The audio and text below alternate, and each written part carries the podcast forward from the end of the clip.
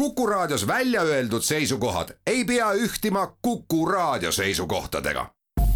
Te kuulate Kuku Raadiot.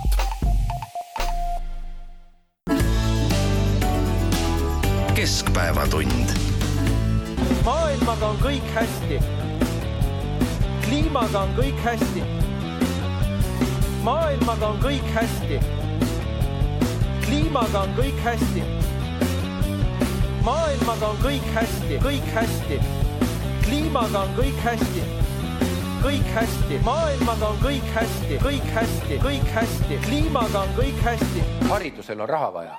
ja vaadake, mingit kliimakriisi ei ole olemas oh.. see on lihtsalt kõige suurem pettus, mis on maailmas välja mõeldud. kas te, ma tean, et inimestel on ja, ja teile on räägitud seda selle jaoks, et te oleksite nõus tegema ennast vaeseks mina ei ole nõus laskma inimestel selle nimel vaeseks saada. haridusel on raha vaja.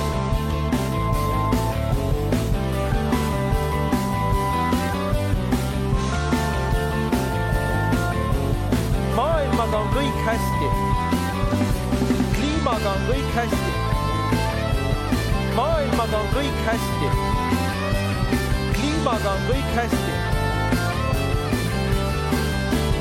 haridusel on kõik hästi. ma just hääletasin selle viimase eelnõu poolt, aga ma ei saanud aru, kuhu me need sada meest saadame. et oskate öelda, mille poolt ma hääletasin, mille poolt ma hääletasin, oskate öelda? Hea kolleeg, see ei kuulu nüüd küll juhataja pädevusse selgitada teile, mille poolt teie hääletasite. maailmaga on kõik hästi. kliimaga on kõik hästi maailmaga on kõik hästi, kõik hästi, kõik hästi. oskate öelda, mille poolt ma hääletasin, mille poolt ma hääletasin? oskate öelda? kõik hästi, kliimaga on kõik hästi. mille poolt ma hääletasin? tead, mis teeme? Tõmbame teki üle pea, siis teki all on öö edasi ja päike ei saagi meie, meie nina otsa kõditada. no ära siputa tule teki alla. aitäh. ei tule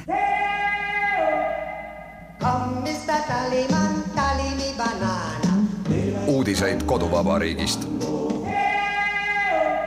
Tere, siin on Keskpäevatund ja Kuku raadio, Tallinna stuudios Ainar Ruussaar, Heldur Meerits ja Priit Hõbemägi. meid lõbustas ansambel Senat ja selle loo nimi on Kõik hästi. Ja siin esinevad Martin Helme, Jürgen Ligi, Mõmmi ja Peeter Ernits. Ja eks selliseid nalju oleme me saanud kuulda selle nüüd juba hingusele mineva Riigikogu tegevuse juures ja eks me saame siis näha, et mis saab järgmises Riigikogus, loodame, et ähm, selliseid asju on vähem, aga meil on veel üks päev jäänud valimisteni, väga palju Eesti inimesi on valimas juba käinud, oma hääle andnud, siiamaani valitseb segadus erinevate uuringufirmade poolt pakutud andmetes, aga tegelikult muutub see kõik üha vähem oluliseks, sellepärast et nagu öeldakse, et see on, valimised on selline selline ülesanne, mis lahendab ennast ise, ehk ta arvutab selle tulemuse välja sel hetkel, kui kõik saab valmis, ehk see on siis pühapäeva õhtul kell kaheksa ja siis me saamegi teada, kuidas asjad tegelikult on. no need, kes tahaksid ennast orienteerida reitingufirmade ennustuste järgi, et, et nendel on tõepoolest väga-väga äh, ränk nädal olnud, et sest et äh, need prognoosid on olnud seinast seina, et, et noh, kõige äärmuslikum näide on nendes erinevates prognoosides EKRE, et, et mingisuguste hinnangute järgi on EKRE esimesel kohal ja valimisi võitmas, mingi teine, teine versioon jälle on see, et, et, et nad on nagu lausa neljandal kohal. nii et, et et siit vist nüüd küll noh, ega tegelikult vali, valija ei peakski nagu siit juhist saama, eks ju, aga eh, see kinnitab lihtsalt veel kord seda, et, et, et kui, kui sa lähed valima, et, et katsu siis selle jaoks pigem nagu oma pead ja südant kasutada. jah, eks need valimised ole natuke keerulisemad kui näiteks kümme või viisteist aastat tagasi, sellepärast et maailmavaade on ka hägustunud, aga ütleme kuulajatele ära, et praeguseks on hääletamas käinud umbes nelikümmend protsenti hääleõiguslikest kodanikest, aktiivsemad Hiiu, Tallinn, Tartu ja mm, noh, üks umbes kuuskümmend neli protsenti on see hääletamisaktiivsus olnud ka viimastel valimistel, eelmiste neli aastat tagasi oli see täpselt kuuskümmend neli protsenti, nii et äh, et ju ta sinna kanti, kanti ka umbes tuleb, sest väga paljud ikkagi muudavad oma eelhääletuse tulemust veel viimasel hetkel, vähemalt neli aastat tagasi oli see niimoodi, ja väga paljud ikkagi ilmselt äh, lähevad noh, ka kastide juurde valima veel viimasel päeval. nojah, no nii Ainar, sina kui ka mina oleme sellel, sellel lõppeval nädalal mõlemad juhtinud peaministrikandidaatide debatti, üks siis äh, sina Kuku raadios ja mina Postimehe stuudios koos Elo Mõttusega. nüüd äh, kuidas sulle tundub, et kas need inimesed, kes kuulasid ja vaatasid ja nii nagu need andmed ütlevad, siis huvi vaadatavuse vastu ja kuulatavuse vastu isegi keset keskpäeva oli väga suur, et ähm, kas inimesed said nendest peaministrikandidaatide debattidest endale siis ka sellist tuge, et nad äh, suudavad ennast orienteeruda ühe või teise erakonna valimise poole, sest neid debatte oli ju tegelikult ju päris palju, et kuskilt veebruari keskelt juba läksid lahti siis Postimehe ja Aare Targa majanduskonverentsil, kus oli üks suur debatt, kus olid kõik peaministrikandidaadid kohal ja nad on väga paljudes kohtades ähm, käinud ja esinenud ja esinenud ja esinenud, tavaliselt siis kõik äh, kuus tükki korraga, mõnikord ka ainult kaks tükki. aga kuidas sulle tundub, kas see aitas nüüd, äh, tõesti see massiivne debateerimine avalikkuses, ei saa öelda, et nüüd arutelusid ei oleks olnud, väga palju oli, aga kas see aitas kaasa inimesi oma seisukoht, seisukohtade selginemisel ja said nad targemaks sellest? No sõltub teemast, et äh, noh, mis on mõnes mõttes võib-olla hea, on julgeoleku teemal on enamus erakondi ikkagi enam-vähem ühel meelel, kui võib-olla mõned EKRE seisukohad äh, välja arvata. nüüd äh, mis on ikkagi keeruline, on see, et vot mina äh, ajakirjanikuna ja ka valijana, eks noh, mul lähevad alati nagu hakkavad käed värisema, kui ma kuulen, et küll me selle jaoks raha leiame, vot see raha leidmine on minu jaoks selline üks neist väljenditest, mida ma tegelikult ei tahaks kuulda, aga vähemalt minu kogemus, nii palju, kui ma neid debatte jõudsin jälgida ja seda sinu poolt mainitud ka ühte juhtida, siis noh, seal ikkagi erakondade juhid pigem nagu rõhusid sellele, kui tugevad liidrid nemad on, mitte niivõrd erakondade platvormidele või mandaatidele, jah muidugi, nendest räägiti ka, aga kohati eriti, kui see puudutas sellest, kuidas majanduslangust pidurdada või kuidas inflatsiooni vähendada, siis äh, läks see ilmselt ikkagi äh, päris keeruliseks, et aru saada, millised on nende noh, seitsme võib-olla ka kaheksa, kui rohelised ka juurde võtta, erakonna vahe. ja aga kui äh, sa ütlesid seda, et üks, et sulle hakkas, sinu punane tuluke hakkas pilkuma selle peale, kui öeldakse, et küll me raha leiame või noh, nagu vanasti öeldi, et eelarves, kust võtate raha, no eelarves raha on, et sealt me seda võtame, aga äh, Heldur, sina oled finantsist ja investor, kuidas sina vaatad selliste äh, lubaduste peale, kui valimiseelsetes debattides öeldakse, et, äh, et võtame ette suuremahulised, äh, võib-olla miljardeid nõudvad projektid, aga kui küsitakse, et kuskohast selle nende täitmiseks raha võetakse, öeldakse, et, et kas on, kas see on siis, tuleb eelarve, eelarvest või et küll me selle siis juba leiame, et see on nagu tühiasi, peaasi, et oleksid head ideed jah, on selge, et need peaministrikandidaadid ja muud kandidaadid ka, et et nad kahtlemata ei esita seal finantsplaani, et et need on pigem, pigem on need ahvatlused ja võimalused. Ja, ja noh, pigem, pigem ma seal mõtleks selle peale, et kui nüüd ühel hetkel läheb koalitsiooni tegemiseks, mis siis äh, Äh, reaalselt ka lauale järgi jääb. et, et äh, need parteide programmid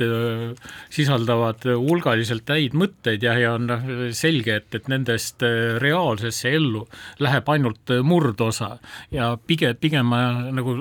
näengi probleemi selles, et meie jaoks on muutunud üsna, üsna keeruliseks ennustada, et mis see kompott siis koalitsioonilepingus lõpuks kokku toob, et, et Postimehes Martin Ehalal oli üks päris, päris hea analüüs, kus ta nagu eri, eriti tema, tema küll vaatas äh, valimiskompassi alusel neid äh, väärtushinnanguid, tõi välja seal väärtuse äh, alusel jagavaid küsimusi ja, ja siis ta tõdes, et, et suurematel erakondadel nagu Reform ja EKRE et eh, seal nendel kandidaatidel ka olid üsna lahkuminevad seisukohad nendes väärtusküsimustes. Ja nüüd tema järeldus eh, on sama, et, et me nagu minulgi, et eh, ega me ei oska ennustada, mis siis lõpuks seal koalitsioonilepingus see reaalselt ikkagi saa- äh,, hakkab olema sul on jumala õigus ja noh, ma, mina ja minu kolleegid esitasid korduvalt äh, erakondade esindajatele, juhtidele ühe sellise testküsimuse, et mis on need kaks punkti tervishoius, hariduses, rahanduspoliitikas, maksupoliitikas, millest te kindlasti ei tagane ja si-,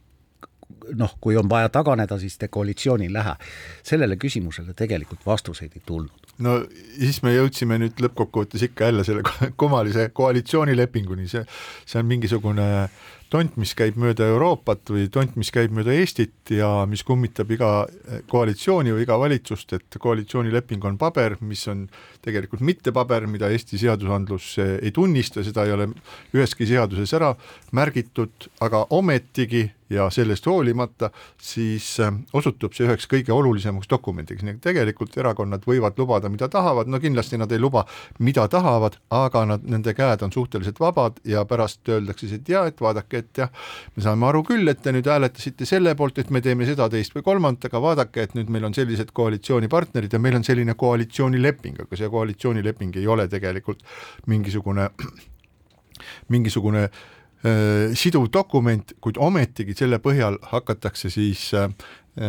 juba siis poole aasta pärast või sügisel tegema uut riigieelarvet ehk hakatakse seda formeerima, et kas poleks üldse nagu aeg, et kuidagi see koalitsioonilepingule anda ka mingisugune selline, ma ei tea, kas äh, see on kummaline, kui, kui riigi tulevikku määrab lihtsalt üks äh, kokkulepe, millel puudub igasugune seaduslik jõud, kas mulle tundub see kummaline? korra lisan siia vahele, et noh, üks, üks näide minu meelest on see, et Keskerakonna üks lubadusi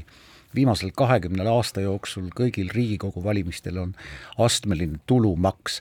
oi, mitu korda on nad olnud koalitsioonis ja isegi võimul. no ei ole astmelist tulumaksu, ehk siis ma ei taha öelda, et see peaks niimoodi olema. ja maksu äh,, maksudebatt oli üldse väga nõrk ja mitte sellepärast, et seda ei püütud algatada, vaid sellepärast, et sellest, sellega ei tahtnud, tahetud kaasa minna, nii et need põhilubadused ei pruugi sinu poolt mainitud koalitsiooni kokkuleppes absoluutselt kuidagi suhestuda. Nojah, see, seda illustreerib kas või ka see, et, et Kaja Kallas see vist oli Äripäeva debatil, et et kus ütleb, et, et jah, et, et ta, ta nagu hea meelega teeks küll tasakaalus eelarve, aga tal on ju need äh, koalitsioonipartnerid niisugused, et, et sellepärast ei saa ja, ja noh, et äh, seetõttu nagu see tema jutt äh, nüüd Äh, tasakaalus eelarvest nagu kahjuks ei ole nagu väga, väga usutav, eks, ja et, et et mis, mis kasu on sellest jutust, et, et kui sa nagu lihtsalt ütled, et, et oleks ju tore, kui oleks nii, jah, aga kui, kui nüüd nagu natukenegi mingi väike takistus vastu tuleb, et siis nagu esimene asi on ikkagi see, et, et saaks valitsusse ja noh, tühja siis äh, sellest tasakaalus eelarvest. kui me räägime nendest välistamistest, mis on ju siin mõnda aega Eestis olnud väga populaarsed, et oli mingi aeg, kus kõik rääkisid mingisugustest punastest joontest ja siis tuli välja, et tegelikult see on selline asi, millega on väga kerge endale näppu lõigata või jalga tulistada, et sa räägid mingitest punastest joontest ja siis elu paneb ähm, erakonnad olukorda, kus tuleb hakata kompromisse tegema nende samade jooni nihutama. jah, et me mäletame väga hästi, kuidas punane läheb natuke roosaks. ja kuidas siis Ameerika Ühendriikide presidendil Barack Obamal oli punaseid jooni Äh, kõikvõimalikes maailma eri paikades ja siis, kui teine pool siis läks, mis tavaliselt oli Venemaa, läks üle punase joone, siis tegi ai-ai-ai, me oleme tõsiselt, me oleme, me oleme ikka väga pahased selle üle, et te olete jälle läinud, aga meie järgmine punane joon on see ja siis nii see edasi läks, ehk et need punased jooned ei ole tegelikult mingisugune poliitiline tööriist, see on lihtsalt niisama, niisama jutupunkt, aga, aga selge on ju see, et ähm, Reformierakond äh, tõenäoliselt kogub kõige suurema hulga hääli, aga see ei kindlusta talle ju üksinda võimu, et on vaja kellegagi koos olla koalitsioonis ja see koalitsioon kõige tõenäolisemalt on siiski Keskerakonnaga, nii et kui me vaatame siis no, või, või arutame seda, et mis on, on siis need asjad, et kelle huvisid siis see tulevane valitsus hakkab ellu viima erakondade poolt nii-öelda ma ei tea, esialgu küll veel äh, pilvedesse kirjutatud lubadustest, et siis ega väga palju võimalusi suurt koalitsiooni moodustada Reformierakonnal ilma Keskerakonnata ei ole, on ainult üks võimalus, siis peab sinna koguma väikeseid, väikeseid pudinaid kokku ja EKRE-l põhimõtteliselt on ka kas Keskerakonnaga või, või lihtsalt istuda,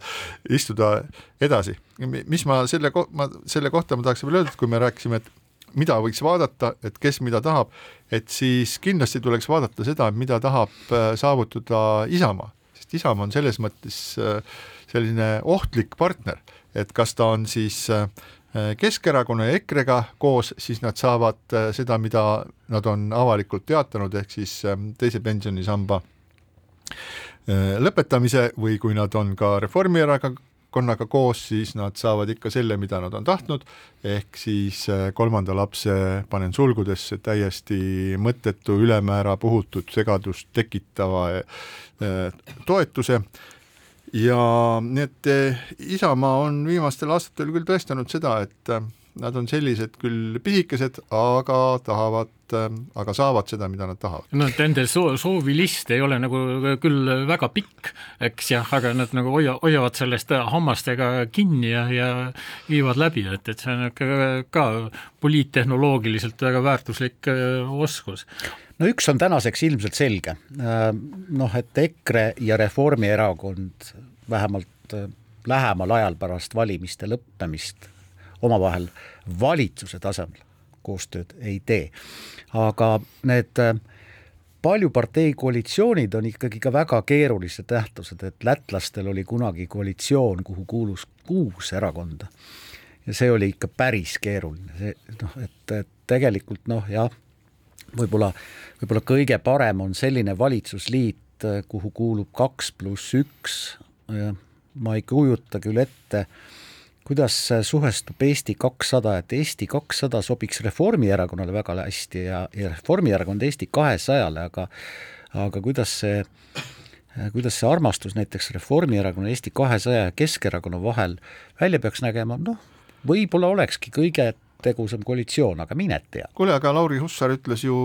mingisuguses valimisdebatis ütles ilusti välja, et kui Reformierakond moodustab valitsuses ja, ja nemad sinna pääsevad koalitsiooni, et siis võib Reformierakond nii üht kui teist endale lubada, nii et põhimõtteliselt, põhimõtteliselt ütles ta, et saab, saab, miks ei saa, aga laske meid sinna, sinna võimuligi, no ütleme nii, et ei saa ju kuskilt otsast pahaks panna seda, et äh, need, kes kandideerivad, need tahavad võimuligi saada, Eesti kakssada loomulikult ei ole praegu mingisugune selline jõud, mis võiks tegeleda riigijuhtimisega, kogemusi on neil vähe, rahvast on kogutud küll siit ja sealt, aga selliseid tuumakaid poliitikuid seal siiski napib, nii et äh, kui nad tahavad sellise sülekoera või puudli rollis alustada oma poliitilist teekonda, siis ehkki riskantne katsetus, aga, aga mingisuguseid tulemusi võib see anda. Et siin nüüd valimiste tulemuste juures homme hilisõhtul, et, et noh, mida, mida nüüd vaadata, et üks asi, mis tundub mulle väga huvitav, on see, et, et või noh, ikkagi, et, et noh, mis need võimalikud koalitsioonid on. siin on noh, iga nädal on vaatlejad seda ümber arvutanud, aga kõik need äh, võimalike, kõigi võimalike koalitsioonide puhul need äh, ülekaalud parlamendis on üsna, üsna napid. ja, ja kui see läheb niimoodi, et äh, tõepoolest koalitsioon tehakse suhteliselt napi ülekaaluga, et, et siis sellise koalitsiooni stabiilsus ei pruugi ka kõige, kõige suurem olla ja just, et mind vähemalt eh, homme hilisõhtul küll nagu huvitaks ja et, et kas on eh, nüüd mingisuguste viimse, viimse hetke eh, muudatustega, kas me oleme jõudmas sinnamaale, et, et mingisugune suurema häälte arvuga koalitsioon on ka võimalik? no Heldur viitab siis sellele, et kui luuakse koalitsioon, millel on me ei tea ju parlamendikohtade jaotust, millel on parlamendis viiekümne kahe või viie kolme, viiekümne kolme saadiku noh, potentsiaalne toetus, kui välja arvata siis äh, salajased hääletused, äh, siis see on jah, selline natuke riskantne asi. et äh, pluss üks või pluss kaks lisahäält mõnedel olulistel hääletustel ei pruugi toimida, noh, ükskõik millisel põhjusel, saadikud, saadikutel on ka õigus haigeks jääda ja mida iganes. Jaa, no tavapäraselt on meil olnud siis ju, või varasematel aegadel ütleme nii, on olnud ju vähese ülekaaluga koalitsioonide probleem selles, et kui on kaks sellist suurt plokki, nagu oli siis Reformierakond ja Keskerakond, mõlemad sellised suured võimsad, et siis seal toimus ju mingisugune, mingisugune ülemeelitamine, et noh, läks sellest äh, uue Riigikogu moodustamisest mööda pool aastat, kui juba keegi otsustas, ma ei tea, Keskerakonnast astuda üle Reformierakonna ridadesse või toimus see vastupidi. ja siis pärast võis keegi sattuda hoopistükkis nende aknaaluste pinkide peale, nüüd see uus praegune situatsioon minu meelest on äh, Äh, on selline, kus sellist ähm, teisele poole ülemeelitamist on nagu keeruline tekitada, et äh, Keskerakond ja Reformierakond suure tõenäosusega töötavad koos selles asjas, arvestavad, no ütleme, vaadates Jüri Ratase käitumist ja olekut kõikidel nendel debattidel, kus ta on nii fokusseeritud võidule, ma olen, ma olen harva näinud neid inimesi, kes on nii ühele eesmärgile pingeliselt äh, keskendunud, nii et noh, ütleme nii, et kui sa lähed tast koridoris mööda, siis ta, ta on ikka nii fokusseeritud ja siis ta ei, ei märka, et mis tema, tema ümber toimub, samal ajal kui teised poliitikud, kes tulevad kuskilt sealt debatiruumist välja, tere ja räägivad omavahel lahedalt juttu, aga Jüri Ratas on endiselt täiesti sellises oma, oma rollis sees ja see, kuidas ta on rääkinud, ta ei anna mitte millimeetritki järgi, mis tähendab seda, et tal on täiesti nagu kindel eesmärk, nüüd ma ei tea, kas tema kus ta selle mõtte endale pähe on võtnud, mida ta on palju kordi rääkinud, et tema jahib peaministri tooli ja temast saab peaminister, et mul ei ole, mul on arusaamatu, et kust selline, kust selline mõte tema pähe on sattunud, aga ükskõik, kui see aitab teda fokusseerida, siis on see selge, aga, aga igal juhul ilma Reformierakonnata, no su suured võimalused nagu Reformierakonnaga, kas ta tahab uuesti hakata vabandama siis äh, EKRE väljaütluste eest, noh, see on nüüd tema enda südametunnistuse asi, aga mm, igal juhul Keskerakond, ma arvan, et Keskerakonna ja Reformierakonnal Reformierakonna vahel ei ole mingisugust mõtet kedagi nagu üle osta, kuna see ei paista olevat mõttekas, aga EKRE ja Reformierakonna vahel inimeste üleostmine tundub minu meelest täiesti lootusetu, et Reformierakonna väärtustega inimesed ei, tõenäoliselt ei kipu minema EKRE-sse ja vastupidi ega sa ei peagi nüüd nagu teist erakonda terve või fraktsiooni nüüd täiskoosseisus üle meelitada. paarist inimesest aitab. ja et, et nagu otsitakse ikkagi neid jah, et, et kes on siis nii-öelda serva peal ja noh, võib-olla, võib-olla kõhklevad. noh, see ei pruugi tingimata nii minna, aga noh, kus, kuskohalt kangutatakse, siis see on just nagu see koht. me oleme ju kuulnud seda, kui mõni inimene korraga, olles kaks aastat olnud ühes erakonnas korraga leiab enda seest sisemise sotsi või sisemise reformierakondlase või sisemise keskerakondlase, et alati sellised juhtumid on alati lõbusad ja pakuvad pikemaks ajaks jutuainet. ja, ja seda on väga palju juhtunud ka, ka mitmes suuremas omavalitsuses, kus pärast, pärast valimisi ja. käib, käib ikka päris suur liiklus erinevate erakondade vahel. nii et kõigile nendele kandidaatidele, kes siis Riigikogu poole pingutavad minna, neile on ka meil, meie poolt selline soovitus, vaadake, tõmmake hinge, pange silmad kinni, vaadake enda sisse ja kas te, kas te leiate sealt mõne sellise sisemise tegelase, kes tegelikult ei olegi pärit üldse mitte sellest erakonnast, mille nimekirjas te kandideerite siinkohal väike paus. keskpäevatund ja Keskpäevatund jätkab, Ainar Ruussaar, Heldur Meerits ja Priit Hõbemägi, väljas sajab lund. räägime nüüd sellest Vene tanki vrakist, mis on tekitanud juba mõnda aega segadusi. ühesõnaga kusagilt, kusagil kaugel Ukrainas tuli selline mõte, et võiks Euroopa suurlinnadesse saata mõned lahingutes purustatud Vene tankid, et need pannakse siis linnaväljakutele üles ja siis inimesed näevad, kui vilets, kehvast plekist need tehtud on ja vaatavad neid ja siis selline nagu patriotism tõuseb, aga tegelikult päris nii ei läinud, et näiteks Berliini sattunud tankiga oli siis nõndamoodi, et loomulikult siis äh, kohalikud Venemaa poolt äh, juhitavad marionetid korraldasid sinna lillede viimise ja mingisugused meeleavaldused ja Tallinnasse saabus siis äh, ka üks tark tank, mis pandi siis üles Vabaduse väljakule ja selle teekond edasi pidi siis minema veel Rakveresse, Jõhvi, Narva ja Pärnusse, Võrru ja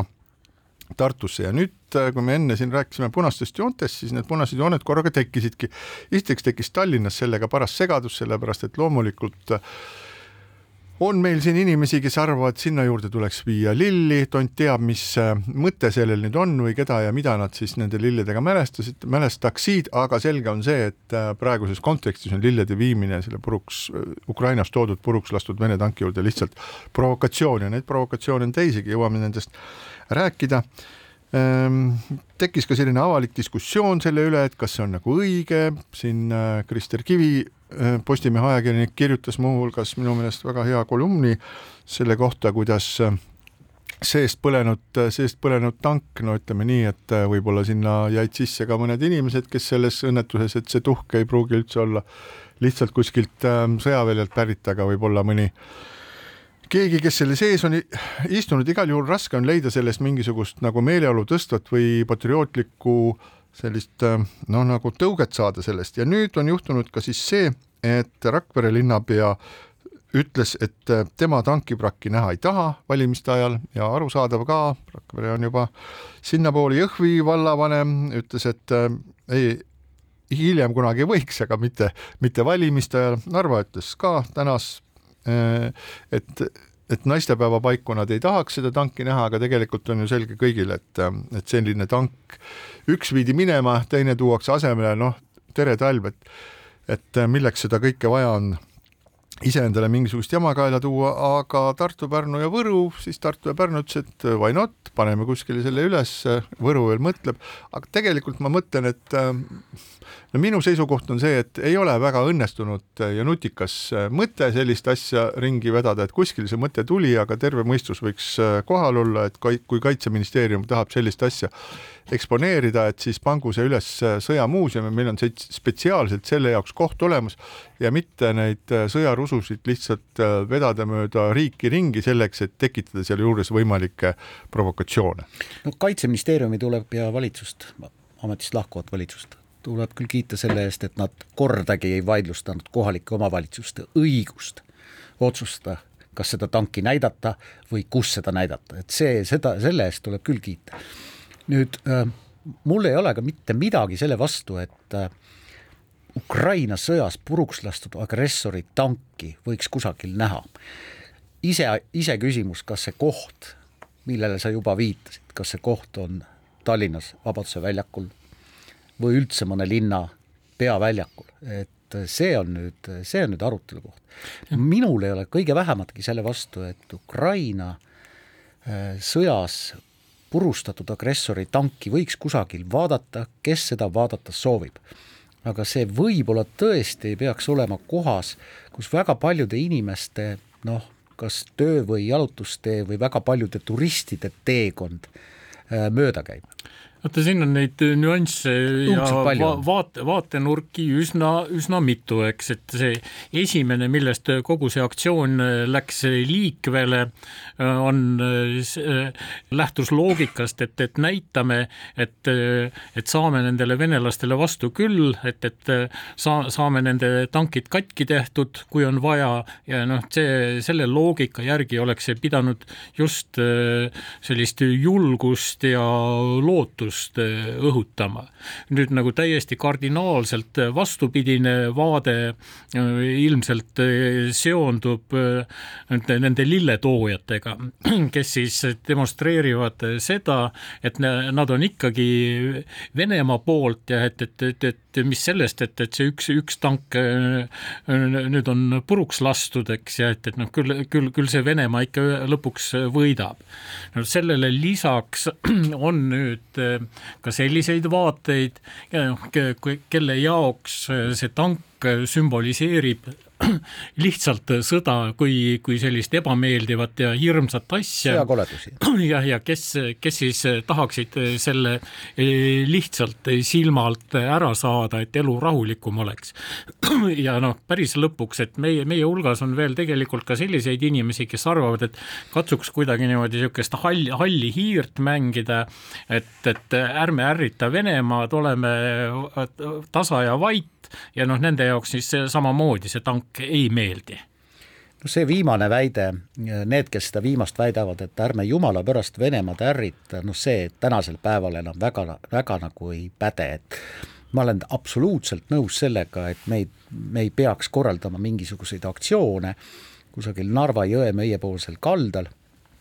või kusagil Kagu-Eestis Vene piiri ääres, aga, aga noh, et ärme Venemaad ärrita, noh vot siin ma olen vast-, täpselt vastupidisel seisukohal, et meie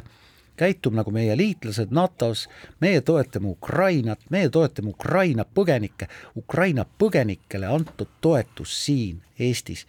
on noh, tegelikult palju olulisem äh,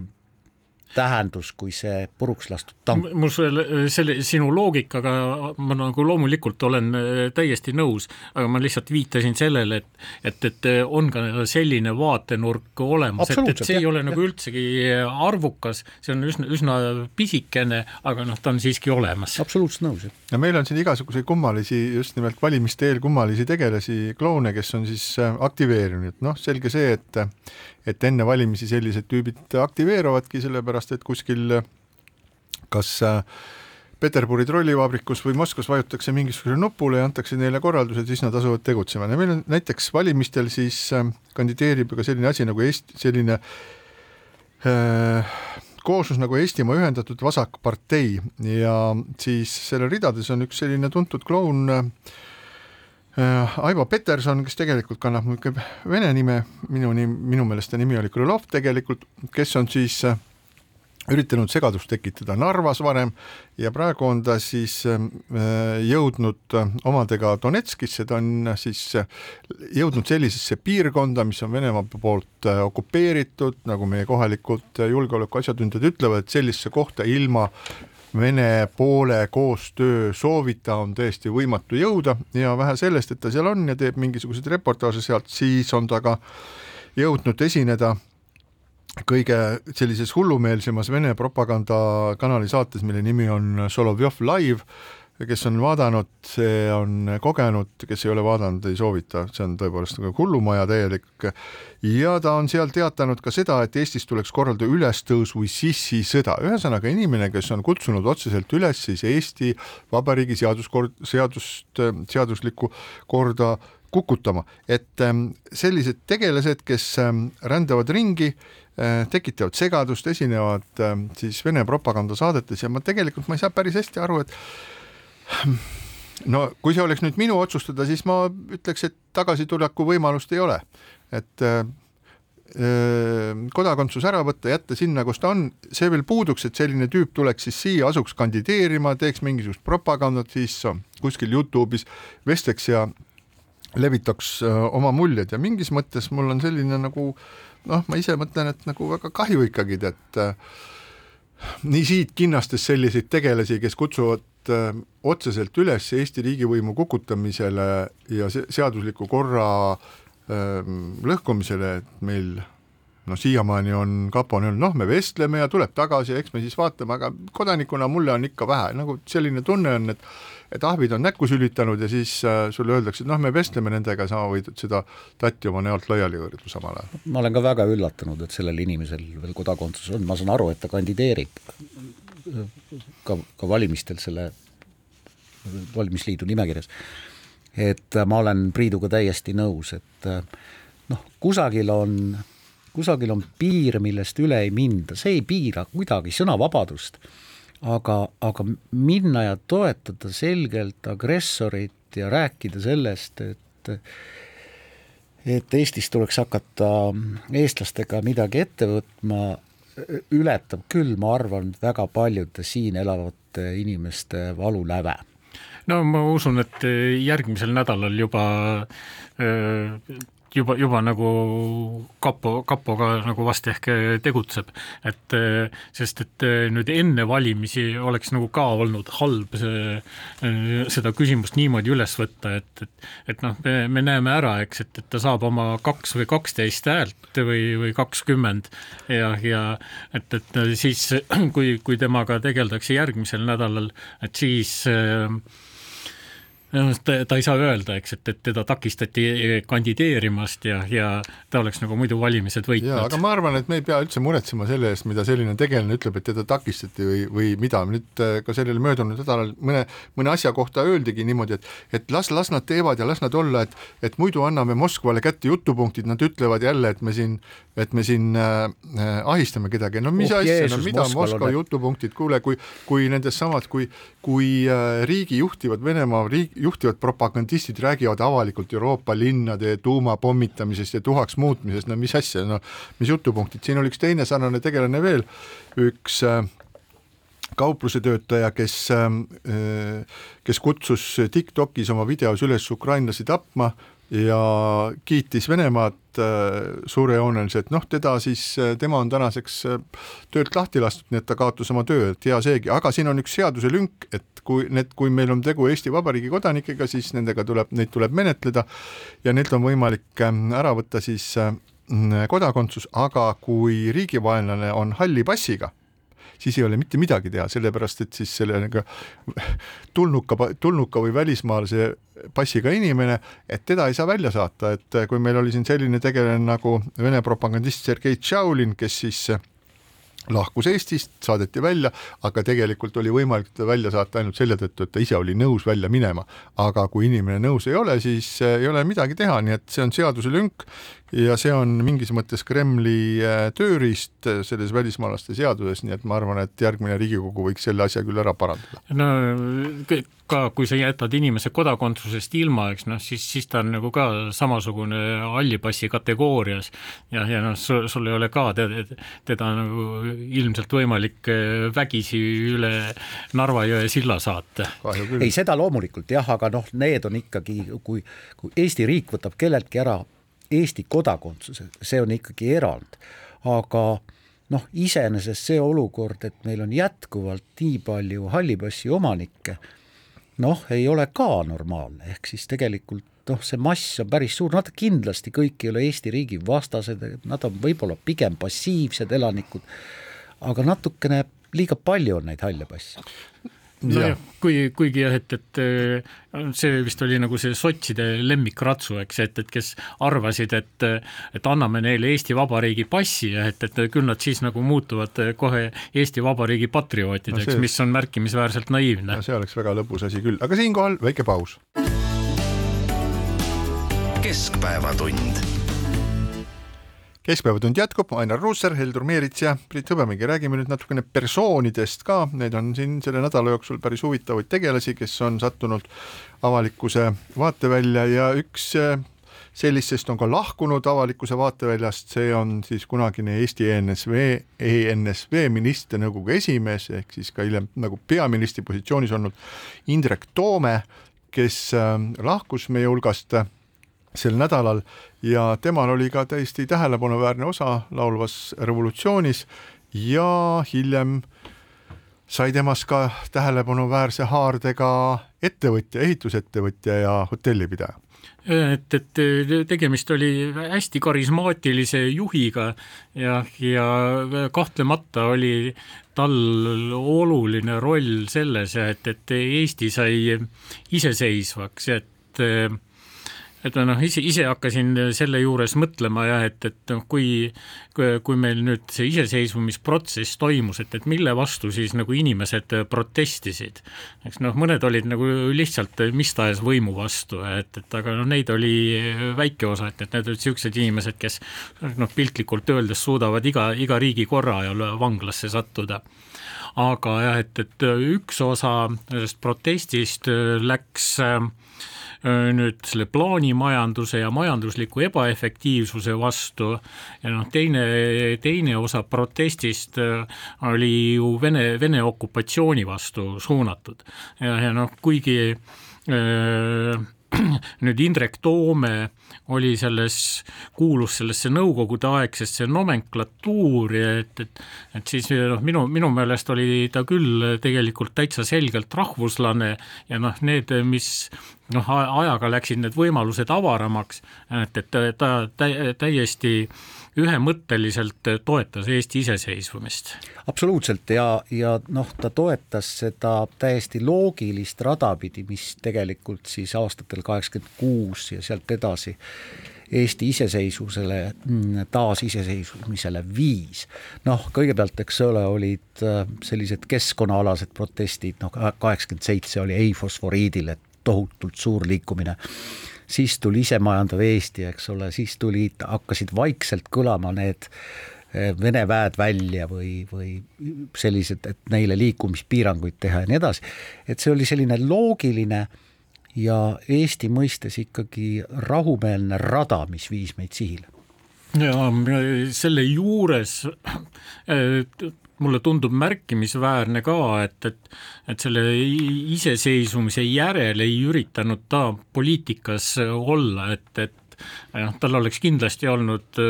kõvasti potentsiaali, aga noh, samas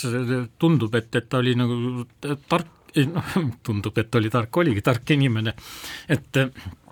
ta teadis, et, et teda oleks hakatud selle nõukogudeaegse mineviku pärast ründama ja noh, siin tundub mulle äh, paralleel ka Vaino Väljasega, et, et noh, kes samamoodi oli kellel oli väga-väga suur ja positiivne mõju meie iseseisvumisele, aga kes samamoodi ei üritanud hiljem enam poliitikas osaleda. erinevalt Arnold Rüütlist, kes oli ikkagi Eesti poliitikas väga aktiivne ja üllatavalt ka väga populaarne. jaa, aga räägime natuke sellest teisest poolest ka, et äh, et ähm, Indrek Toomega siis Eesti Vabariigi ajal seostatakse põhimõtteliselt või põhi, põhiliselt ühte suurt äritehingut, see on siis hotelli Viru erastamine. Ja kui me nüüd meenutame seda hotelli Viru erastamist, siis see toimus niimoodi, et teatavasti olid ähm, Eesti Vabariigi ettevõtetele ette nähtud teatud sorti maksusoodustused, nad said maksta nende ma ei tea, mingi erastamisväärtpaberite ja mingisuguste muude asjadega, mis olid selline suhteline, suhteline alternatiivraha, aga mille väärtus oli väiksem, kui nad olid kui nad olid nomineeritud ja äh, Indrek Toome, siis ähm, veel hiljutine äh, siis äh, ministrinõukogu esimees osales sellel erastamiskonkursil eh, oma ettevõttega, kuigi tegelikult oli ju asjaosalistele üsna hästi teada, et selle, see, see oli vaid varifirma, et see kogu raha ja see ettevõte oli tegelikult äh, Soome ärimehe Ilpo, Ilpo Kokkila oma, kellele kuulus siis ehitusettevõte SRV Kinnisvara. Ja kuna Indrek Toome osales siis äh, oma firma nii-öelda nimega seal, siis sai see sisuliselt Ilpo Kokkila, kes omandas siis äh, Tallinna kesklinna kõige magusama kinnisvara praeguses rahas kolmekümne kahe miljoni euro eest sai kõiki neid, äh, nautida kõiki neid võimalusi, mis olid ette nähtud ainult Eesti ettevõtetele, nii et ütleme nii, et äh, vana kommunist suutis siiski keerata sellise sellise vimka sisse, mida siin äh, Eesti avalikkus, ajakirjandus seedis veel üsna tükk aega. Selle... need olidki, need olidki sellised ajad, kus oli väga palju praegu, tänases mõistes hämaraid või, või segaseid tehinguid, mitte et ma tahaks no, öelda, et see oli, oli segane ja, ja noh, seadusandlus oli ka hoopis teist ei, nägu. no ei, no see oli selge varifirma kasutamine, mis seadusandlus see oli. aga ega see, sa ei pea, Heldur, midagi ütlema selle peale. ja, ei noh, ma arvan, et, et noh, igas olu-, igal ajal on nagu mingisugused reeglid ja noh, nendesse, nende reeglite sisse üritatakse mahtuda. jah, selge see, aga sel nädalal oli siis üks väga kummaline uudis oli, mis puudutas siis ühte Euroopa Liidu tippametnikku Henrik Hololeit, väga meeldivat sellist joviaalset härrasmeest, kes on siis üldse nagu kõige kõrgem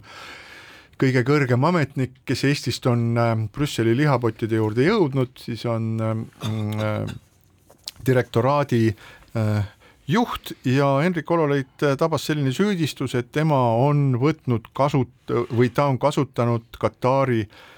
Katari riigi poolt pakutud tasuta võima-, tasuta lennupileteid. Samal ajal siis äh, toimusid läbirääkimised Euroopa Komisjoni ja Katari vahel, et viia siis, et parandada lennuühendust või anda mingisuguseid võimalusi lennuühenduse arendamiseks. Ja Henrik Hololei, nagu nüüd on siis selgunud, lendas ka, ma ei tea, seitse-kaheksa korda siis kuidagi Katari lennuliini äh, äh, kulul edasi-tagasi. Ja see, see lugu on väga veider, sellepärast et selgitused, mis on tulnud Euroopa Komisjonist, on sellised napid ja ebamäärased, Henrik Hololei ei ole ise ka midagi seletanud, aga mis nagu kõige kummalisem on see, et sellisel positsioonil olev inimene nagunii mitte eales ei maksa ise oma lennukipiletite eest, seda teevad,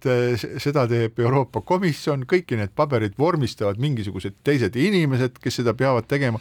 nii et kuidas nüüd kuidagi on äh, esitatud asja nii, et Henrik Hololei just nagu ise on siis tasuta pileteid võtnud nautida, et see tundub mulle nagu ülimalt kummaline. jah, et, et Euroopa Komisjon oleks saanud küll nagu oluliselt paremini neid asju seletada, et sest et äh,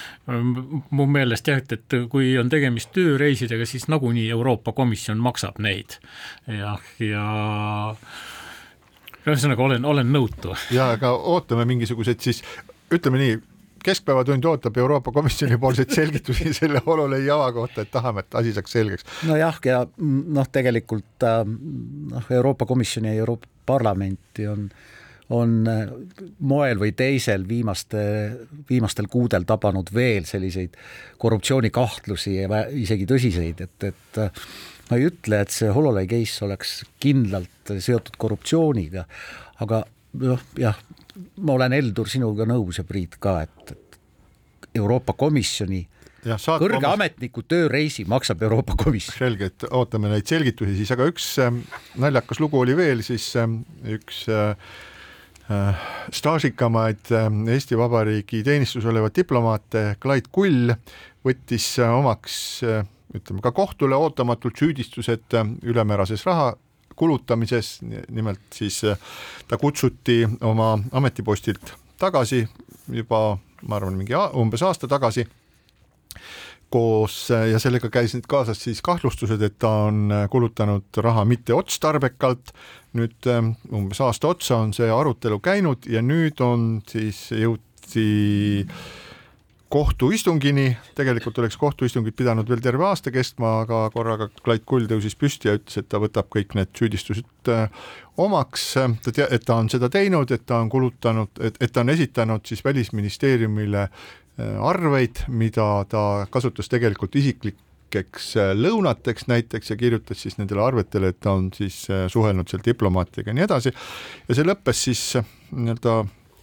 oportuniteedi põhimõttel, et et äh, üks pool võib öelda, see pool, kes tahab, võib öelda, et ta võttis kõik need asjad üles, aga tegelikult läks ta kokkuleppele ja seda, et ta oleks nii-öelda ametlikult süüdi mõistetud, seda ka ei ole, nii et väga hea, et see asi sai, sai oma lõpu ja loodame, et siis Klaid Kull, kunagine Moskva rahvusvaheliste suhete instituudi siis äh, üliõpilane, saab oma eluga rahulikult edasi minna, ilma et tal musti plekke oleks südametunnistusel ja siinkohal Keskpäevatunni ametlik soovitus, minge valima, andke oma hääl tuleviku nimel. täname teid kuulamast, kohtume taas nädala pärast. keskpäevatund